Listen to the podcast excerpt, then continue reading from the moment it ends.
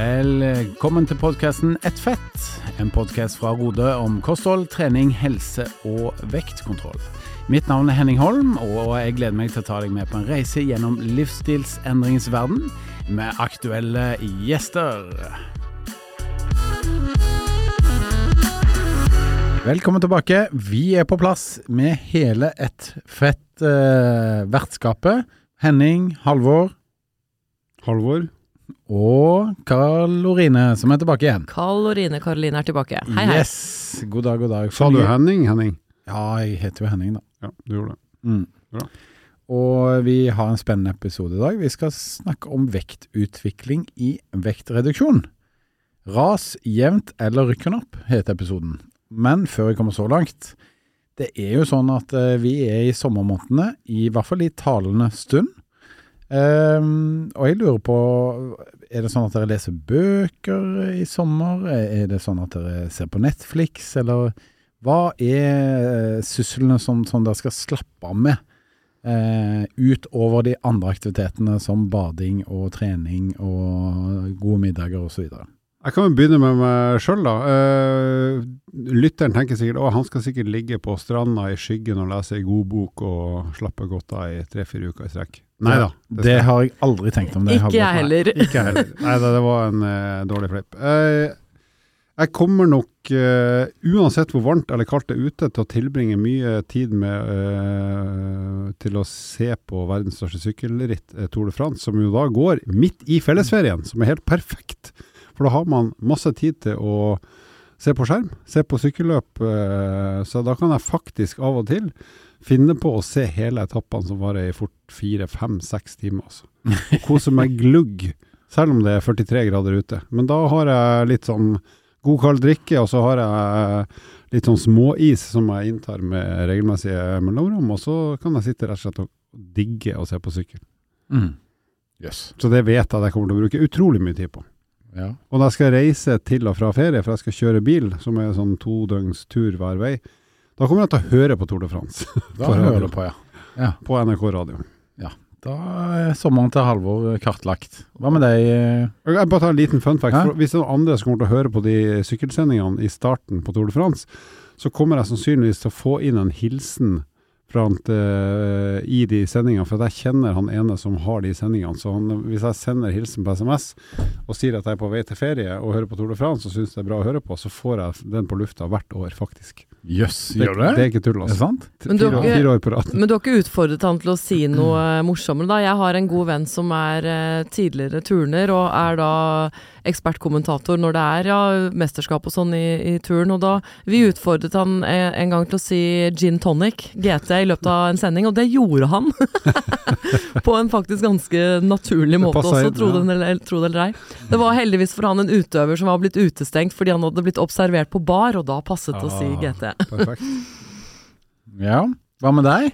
Eh, jeg skal ikke se så mye på TV som det Halvor skal, men eh, jeg har også lært meg å sette pris på å høre på sport på radio. Det er faktisk skikkelig gøy. Jeg har hørt på mang en eh, ski langrennskonkurranse på, på, på radio, og det syns jeg er veldig gøy, for man skaper litt sånn sine egne bilder i, i hjernen. Eh, jeg er stort sett på et sted hvor vi ikke har TV, og eh, ok, jeg har jo med meg en eh, Altså fjernsynsapparat. fjernsynsapparat. Du har med deg skjerm. Jeg har med meg skjerm, Ja. men den brukes fint lite.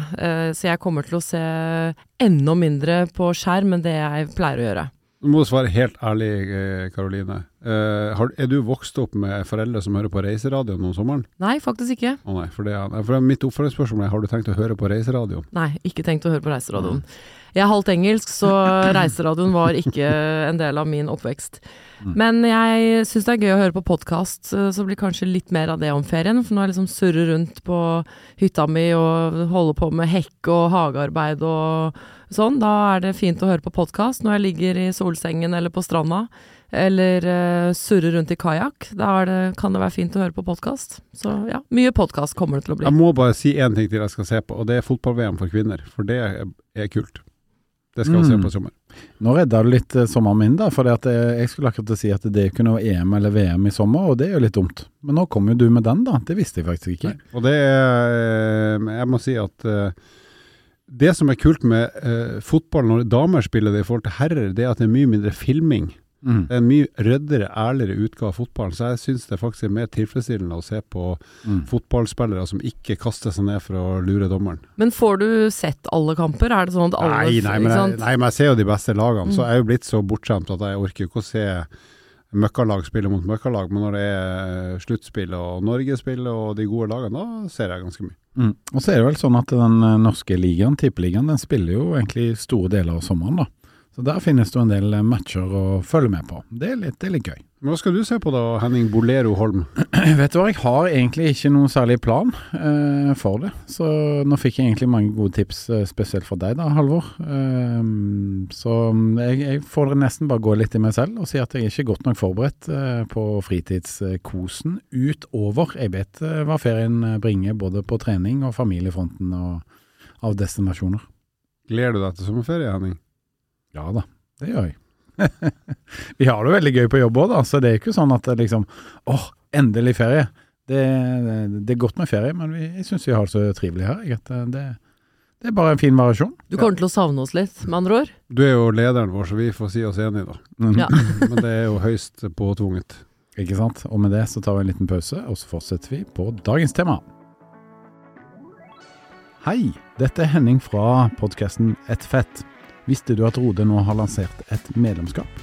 Med medlemskapet så kan du gå ned i vekt, holde på vekten, eller rett og slett bare kontrollere at vekten ligger der han skal. Vektutvikling i vektreduksjon, det er dagens tema. Og det er jo noe som veldig mange eh, ja, av de som har gått på Rode eh, oppfølging og har medlemskap i Rode, er kjent med. Fordi at eh, det er jo gjerne sånn at det er jo ikke en hva skal jeg kalle det, en lineær eh, utvikling når man går ned i vekt. Eh, selv om et, kanskje et skjema skulle tilsi det. For eh, det er jo stor grad av matematikk i å gå ned i vekt. Så hvis du følger opplegget, så skal man jo egentlig gradvis gå ned, jevnt og trutt. Men allikevel så er det kanskje ikke sånn når folk går gjennom en vektreduksjonsfase. Hvorfor er det ikke så jevnt som man skulle tro, Karoline? Det jeg kan begynne med å si, er at uh, i starten av en vektreduksjon så vil man jo normalt gå fortere ned enn det man vil etter hvert utover. Uh, så de fleste går fort ned i starten, og hvor mye man da går ned, kommer jo selvfølgelig an på hvilket opplegg man følger, uh, og selvfølgelig at man gjør alt riktig i gåseøynene, men å legge opp til at man eh, kan gå ned alt fra en halv kilo opp til to kilo i uka i starten, det er ikke urealistisk. Og Og så har det jo litt å si hvor mye man skal ned òg, ikke sant. ja, selvfølgelig. Og, men jo høyere eh, underskudd du har, jo fortere vil du gå ned i vekt.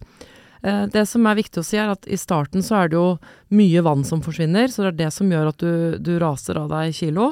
Eh, men og så vil det begynne å bremse litt opp når eh, kroppen eh, begynner å tære mer og mer på, på fettlagrene.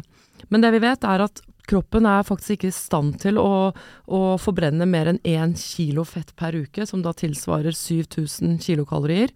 Så hvis du går ned mer i vekt enn det, så er det jo da andre ting som den begynner å, å tære på. Eh, og hva var spørsmålet? Nå har jeg snakket meg bort allerede, så nå husker jeg ikke spørsmålet. Jeg syns du er rett på.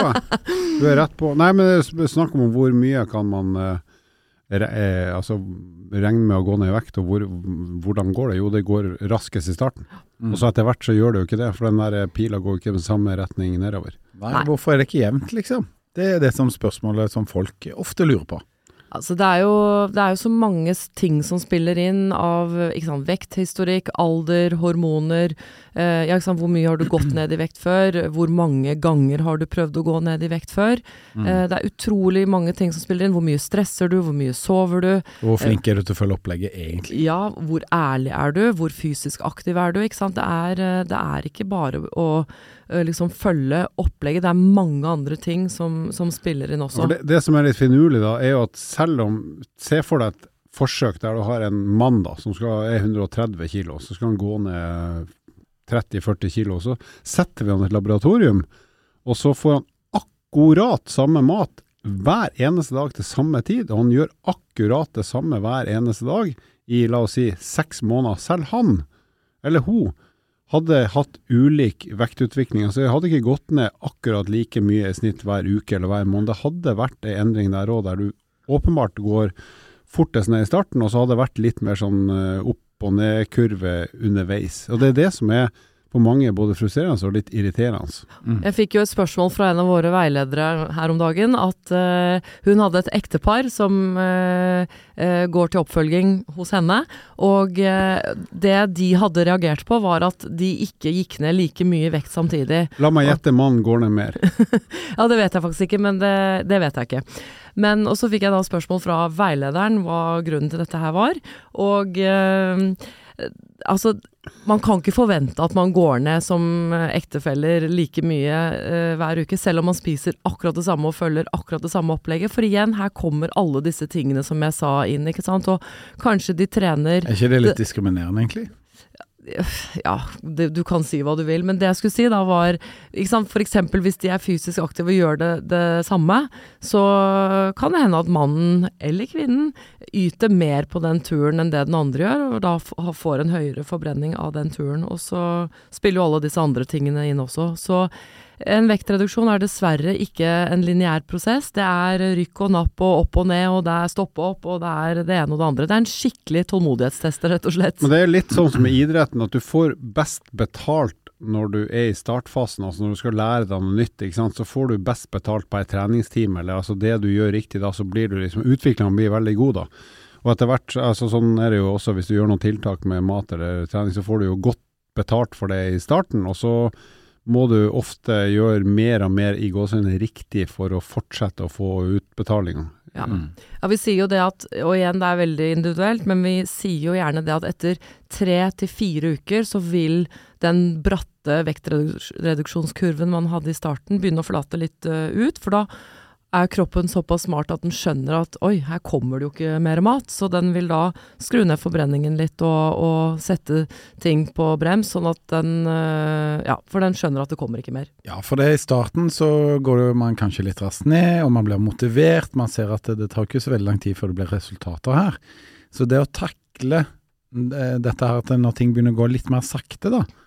Eh, Det er jo gjerne en nøkkel, eh, for da tenker mange at åh, nei, dette var jo ikke så gøy allikevel. Nå får jeg ikke betalt for eh, akkurat betalt her i, i antall kilo ned, og for den tiden og innsatsen som jeg faktisk bruker på dette, og alt jeg ofrer av god mat osv. Så, um, så Så da er jo spørsmålet hvordan skal man jobbe fysisk og mentalt når vekttappet begynner flat ut? Ja, og Det er et kjempegodt poeng det du sier, at det er kjempemotiverende å gå ned i vekt. Og dessverre igjen så er det ikke denne lineære prosessen. Det vil stoppe opp litt innimellom. Hva gjør man da? Eh, et godt tips er jo å finne andre måter å motivere seg på som ikke eh, har noe med vekta å gjøre. Vi kaller det gjerne Vi deler det i Rode i kvalitative og kvantitative mål. Altså kvantitative målet er jo da hvor selve vektreduksjonen men Tall, man- tall rett og slett. tall, Ja. nettopp, kvantitet. Men så kan man også sette seg noen kvalitative mål, altså som går mer på kvalitet da, og selvfølelse og sånne ting. Kanskje du begynner å sove bedre, stresser mindre, yter mer på treninga, ikke sant. Eh, at man kan følge litt mer eh, med på sånne ting, og kanskje forhåpentligvis finne mestring og motivasjon eh, innen de områdene. Og så er jeg jo litt tilhenger av å være analytisk, eh, sånn at hvis man har kommet til det nivå der du ser at nå går det ikke så fort, og det skjer jo, så går det an å begynne å kikke litt på ok, hva har jeg gjort så langt? Eh, jeg har gjort mye bra. Eh, er, det noe skal, er det noe andre verktøy jeg kan bruke nå når jeg er kommet hit? For å kanskje ytterligere, eller for, eh, at den her, eh, kall vektterskelen, der det liksom ikke skjer så mye, at den blir kortest mulig, selv om man fort kan ta både 1, 2, 3 og 7-8 uker. Og der vil jo jeg som den treningstullingen jeg er, si at veldig mange kan eh, legge inn trening for å forbedre kondisjonen sin i en sånn fase, hvis den ikke er veldig god i utgangspunktet. For det er noe som både når du er i aktivitet og trener kondisjonen, forbrenner kalorier, men som også gjør noe med kapasiteten din til å til å rett og slett være aktiv og forbrenne mer enn når du er i trening. Så det er en sånn typisk verktøy jeg prøver å gi ut til de som har kommet til stykket, men som står litt i stampe. Ja, og du er litt inne på det. Vi oppfordrer jo Det er en slags sånn metafor vi bruker i Rode, da. At man skal holde kompassretningen sin, holde stø kurs.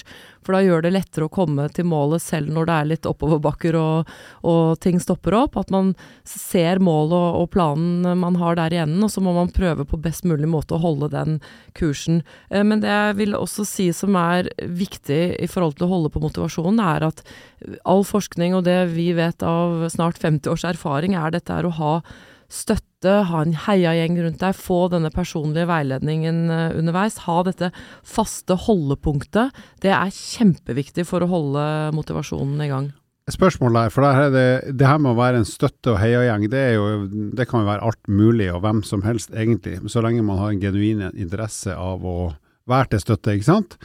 Og da er det noen, ikke mange, men de få som velger meg som sin støtte- eller heiagjeng, gjør det for at de vet at jeg er ærlig. Uh, på godt og vondt. Ikke sant? Så hvis jeg sier at uh, no, no, det her syns jeg er godt gjort uh, ut fra det du har starta mm. på, så skjønner de at det mener jeg på ekte. Og hvis de, ikke, hvis de har gjort veldig mye som de vet sjøl at det her fører ikke til målet, så kan jeg være ærlig på å si at jeg tror grunnen til at det som skjer nå, er fordi at du har gjort helt andre ting enn det du egentlig har planlagt. Sånn at jeg kan være en sånn uh, ærlig støttespiller, men jeg står ikke og gir applaus til enhver tid. Men hva er det som Der vil det vel også være veldig individuelt. Hva, er det du, hva slags type støtte og heiagjeng trenger du?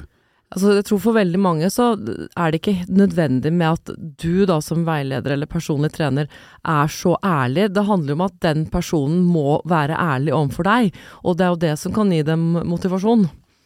Ja, jeg tror, jeg tror, jo at eh, det at uh, Halvor f.eks., som er en del av sin personlighet, er så ærlig da, i stilen sin og i rollen som PT, det er fint, for det, det innbyr til at kunden er ærlig, ikke sant. Mm.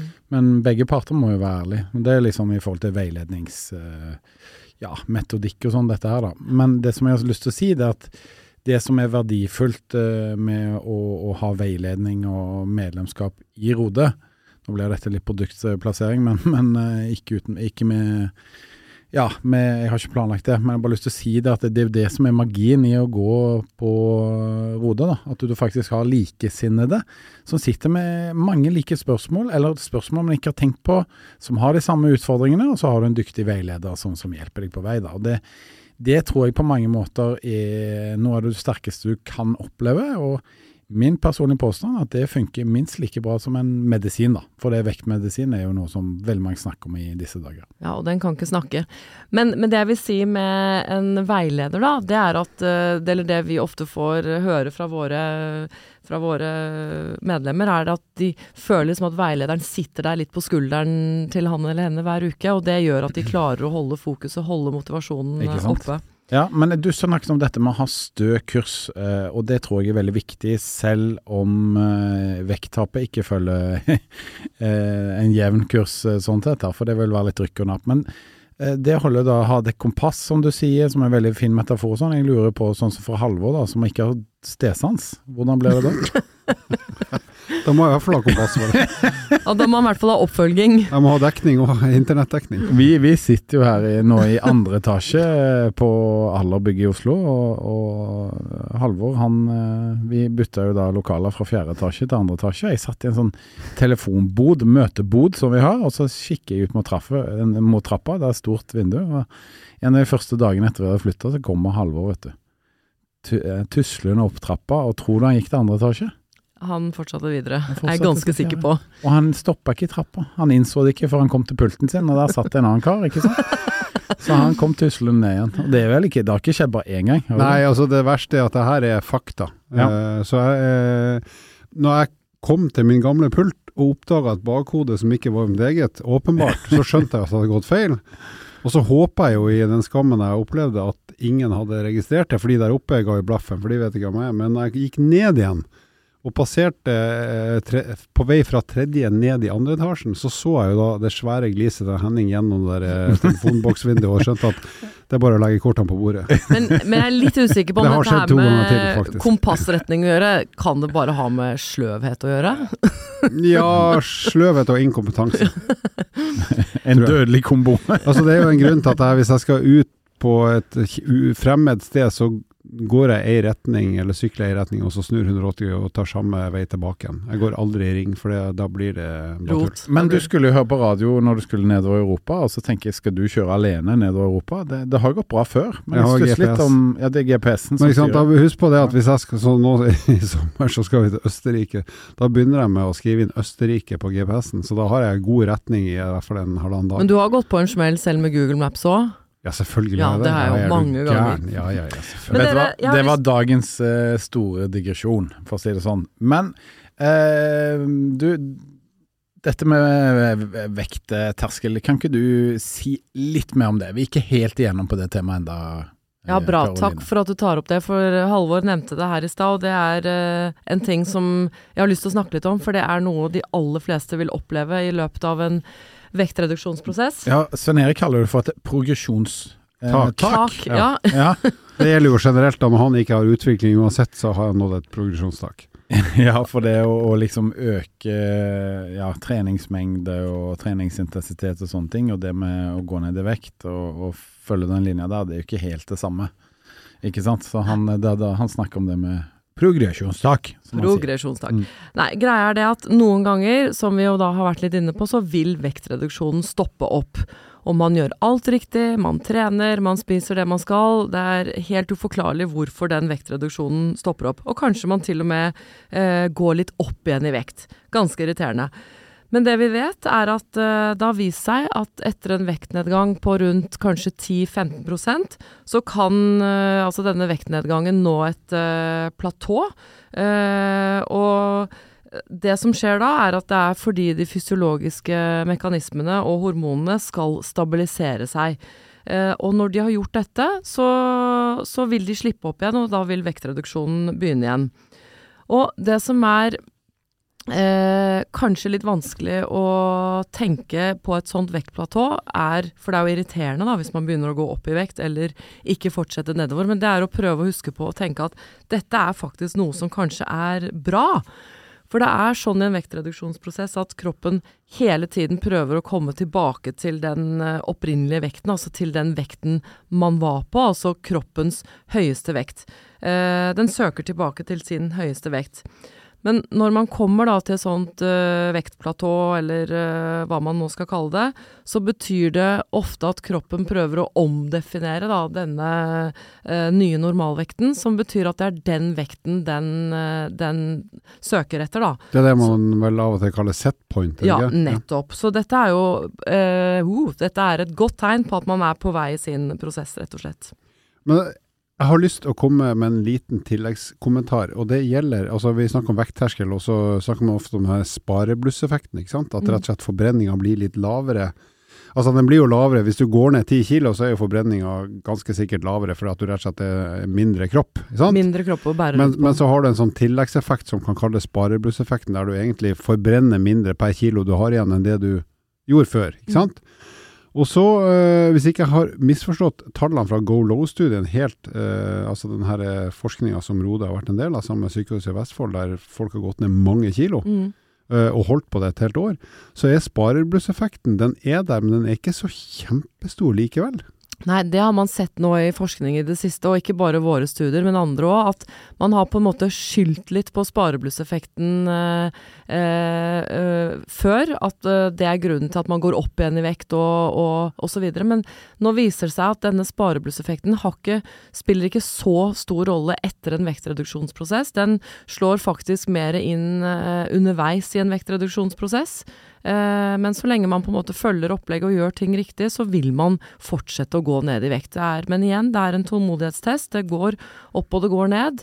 Men man kan ikke i like stor grad skylde på spareblusseffekten da, etter man har nådd vektmålet sitt og begynner å gå opp i vekt. Det er andre ting som eh, spiller en større rolle. for for egentlig er jo det her gode nyheter at det spareblusset ikke er så stort som man kaller frykta eller trodd. For jeg har jo hørt, hørt fra folk som kan det for bare få år siden at spareblusseffekten fort kan være 2, 3, 4, 500 kalorier per døgn. Ja. Og så viser det seg vel at den kan være så lav som 50-100 kalorier ja, per døgn. Og det er jo noe, men det er liksom ikke enormt. Nei. Ikke sant? Og ikke så mye som vi har trodd før. Vi har jo tenkt, eller sagt, og det har jo alle, at det kan alle, Tommelfingerregelen har vi sagt har vært 300 kilokalorier, men det kan være så mye som eh, 5, 6, 7, til og med 800 kilokalorier har man sett uh, i forskning, ikke sant. Så det er veldig gode nyheter at uh, det kan være mye mindre.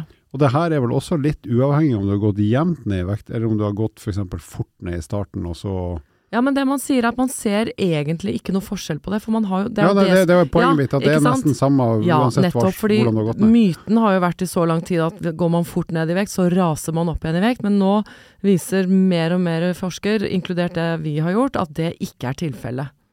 Ok, men da har jeg et eh, interessant spørsmål, mener jeg selv i hvert fall. Og det er med alle mulige forbehold, ikke sant?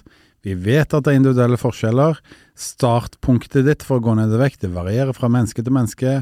Trener du, er du aktiv, er du ikke aktiv, skal du ta tak i både aktivitet og kosthold, eller bare kosthold osv. Men, og, og folk, noen har sykdommer, andre er helt friske. Eh, med alle disse forbeholdene så har vi tatt de, så slipper du å kommentere det, Karoline. Hva er mulig å gå ned i løpet av tre måneder, seks måneder og tolv måneder? Skal jeg begynne? Ja. Tre måneder, altså gitt at du liksom skal ned ganske mange kilo. Forbeholdene jeg- er Ja, tatt. Yes. Da vil jeg si i snitt så kan du fint klare én kilo i uka, det vil si røftlig tolv kilo. Seks måneder, samme utgangspunkt, så ville jeg sagt eh, kanskje 0,75 i snitt da, per uke, og da ender vi vel opp med, hva blir det, en sånn 20 kilo? 18-20 kilo? 12 måneder? Mm, kanskje en halv kilo i snitt per uke, som jo da skulle gi en sånn 5-26 kilo på året da. Mm. Og kanskje mer òg, selvfølgelig, litt avhengig av hvor, hvor fort kanskje du klarer å dra på i starten. Ja, ikke sant. Mm. Mm. Så det er ganske, det er ganske mye, altså. Ja, og nå var du flink til å svare Takk. uten å ta med alle forbeholdene, for alle skjønner jo det at hvis du, Halvor, skulle gått ned eh, inntil 30 kg på ett år, altså Da hadde jeg jo vært på fødselsvekta mi. Ikke sant, det går ikke. Så, Det så det har jo stoppunkt. Men, men la oss ta utgangspunkt i at man gjerne har eh, er på en BMI på et eller annet sted mellom 30 og 35, da. Mm. Ja, og det er jeg helt enig i. Jeg støtter de tallene du sier, og jeg kunne til og med våget meg å si ned 15 kilo på tre måneder, eh, hvis man har mye å ta av. Da tar vi det. Og, og, og det fins jo mange ekstremvarianter der ute. Det er eh, folk som har gått ned mer enn det på tre måneder også. Og vi har jo disse deltakerne som var med i Biggest, Biggest Loser. De raste jo ned i vekt, men de hadde liksom et opplegg rundt seg som gjorde at det var enkelt for Ja, dem. Ja, og for, for de som ikke har sett det programmet på TV-en, så gikk jo det for en del år siden og var megapopulært i USA.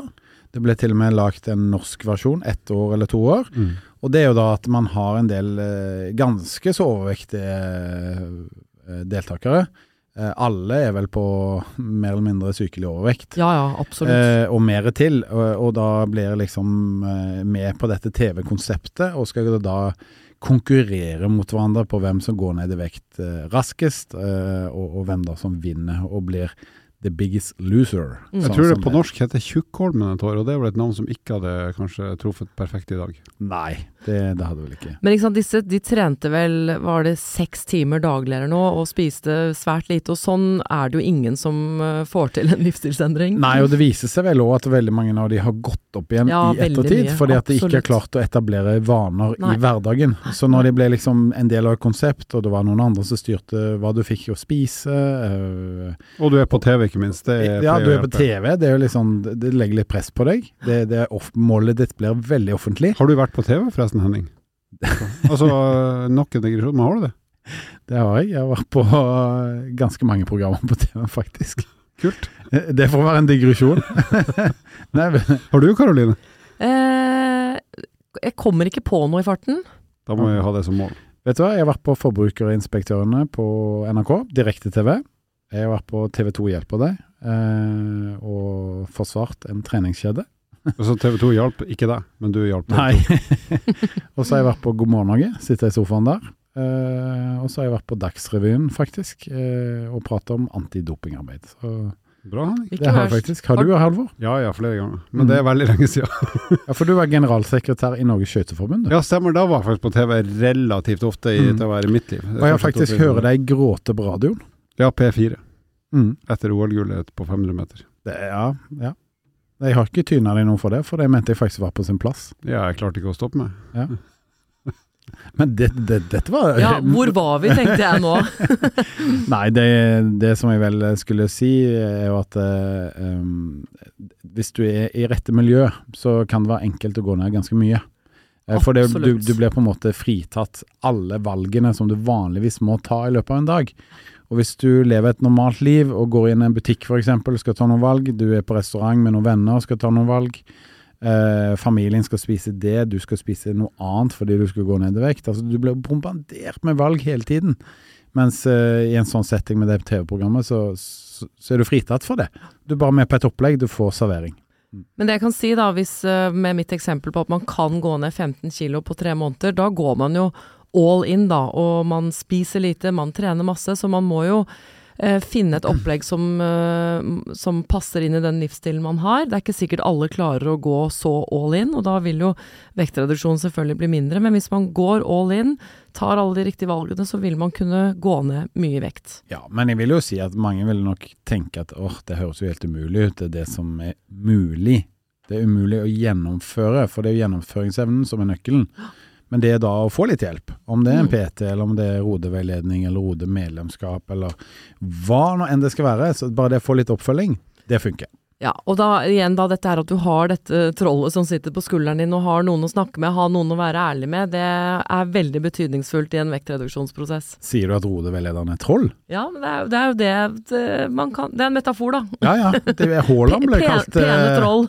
Pene, sjarmerende troll. Spanske medier kalte jo Haaland for trollet, faktisk, før semifinaleoppgjøret mellom City og Real Madrid. Ja, hva ville du hatt på skulderen din, da, som hadde liksom gitt deg en påminnelse hele tiden om at du måtte skjerpe deg med et eller annet? Nei, vet ikke jeg. Eh, kanskje ikke et troll, sånn i utgangspunktet, nei, men, uh, Men det Jeg ville, jeg ville hatt en gammel østtysk friidrettstrener. det tror jeg hadde funka. Det en sånn streng beskjed. Ja, ja, ja. Fra spøk til alvor, det å få litt oppfølging er vel det som er smart. Det er det Men viktigste. Halvor, denne uka her har du levert en litt annerledes fun fact, eh, ser jeg fra manus her. Eh, Den her gleder jeg meg til å dele. Vi eh, slår et slag for dagens fun fact. I dag skal jeg snakke om det å fri. Jeg har faktisk aldri fridd til noen i hele mitt liv. Henning, du har fridd til noen, Jeg har fridd i hvert fall et par ganger. ja, og du har fått hvilke svar? Du, jeg har ikke fått noe avslag foreløpig. Nei. Har du, du har blitt fridd til, eller har du fridd sjøl? Nei, jeg har blitt fridd til ja. under vann. Oi! Ja, og så ble jeg sur fordi vi måtte under vann, for jeg hadde ikke lyst til å dukke. Basseng eller hav? Eller? Hav i Bahamas. Oi, det var noe imponerende. Ja, fordi at eh, det jeg skal snakke om nå, er rett og slett hvordan man kan fri i antikkens Hellas. Det er jo da i gamle dager. Men da kunne du fri til ei dame og kaste et eple til, og det hadde jo passa perfekt for deg, da. Det hadde Et vært sånn, mye eh, bedre enn under vann. og da, hva heter det eplet du helst vil ha? Ambriosa. Ambriosa. Så hvis du slenger et eple til Karoline, så er du, da er det bare å Da er du på god vei. Ring på fingeren. Så hvis dama tok imot det eplet da, i antikkens Hellas, så betydde det at hun aksepterte frieriet. Ok, så, hvis du, Passer Ja. jo dårlig under vann. i antikk, ja. så i antikkens Hellas så kunne man fri til en kvinne ved å kaste et eple til henne, og hvis Mhm. hun tok det imot, så betydde det ja. Ja, og, da, og da får vi håpe at det var en innarbeida skikk, sånn at alle vokste opp og forsto at det, hvis du tar imot det eplet, så er det kjørt på. Eller kaster et hva, eple. hva hvis, eh, si for eksempel at uh, du skulle kaste til den kvinnen da, og så var det en annen kvinne som tok imot. Ikke sant? Da er det kjørt. Og så er det jo en annen, en, en enda viktigere ting er jo at du må være god til å ta imot. Hvis du har lyst til å gifte deg, men miste eplet, hva Ja, ja, skjedde da? Så det er derfor i gamle Hellas, antikkens Hellas, de hadde veldig mange gode håndballkeepere. Ikke sant? Ja, så. Gro Hammerseng og disse her, de, Yes. ja, Så de eh, drev mye med ball og eplekasting på barneskolen, ikke sant. blant jentene, da. Herlig. Ikke rart at håndball er en olympisk idrett, med andre ord. Eller hur. Yes. Med det sagt så takker vi for eh, dagens eh, episode. Vi håper det var en motiverende og inspirerende episode, som sagt. Så ses vi igjen neste uke, vi.